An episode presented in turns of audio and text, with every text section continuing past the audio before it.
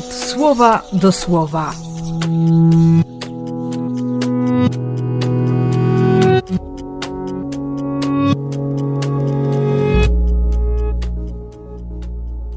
Dwudziesty czwarty października, wtorek.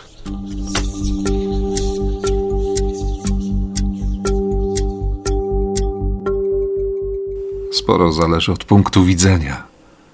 Można tak bardzo skupić wzrok, ten zewnętrzny, i ten wewnętrzny, na bardzo realnym złu, że się przestaje widzieć łaskę, że się człowiek ostatecznie spodziewa wszystkiego najgorszego.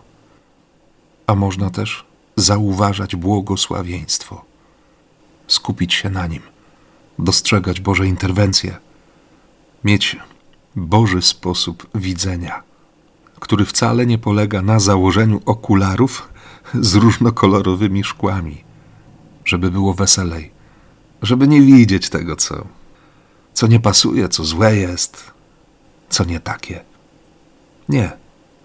Chodzi o to, żeby widzieć we właściwy sposób, że jeśli gdzieś grzech się zakorzenił, to wokół krąży jeszcze potężniejsza łaska.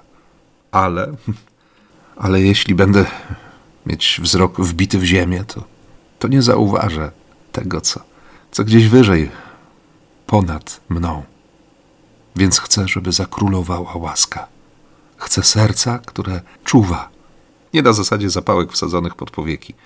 Serce, które czuwa, to znaczy wie, że, że dłonie Ojca, serce Ojca, nawet kolana Ojca są najbezpieczniejszym miejscem w tym i w przyszłym świecie.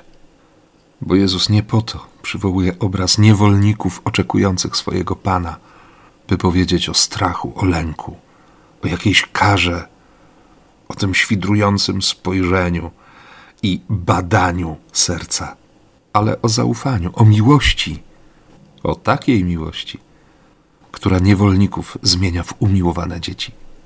Takiego spojrzenia Ci dziś życzę i błogosławię w imię Ojca i Syna i Ducha Świętego. Amen.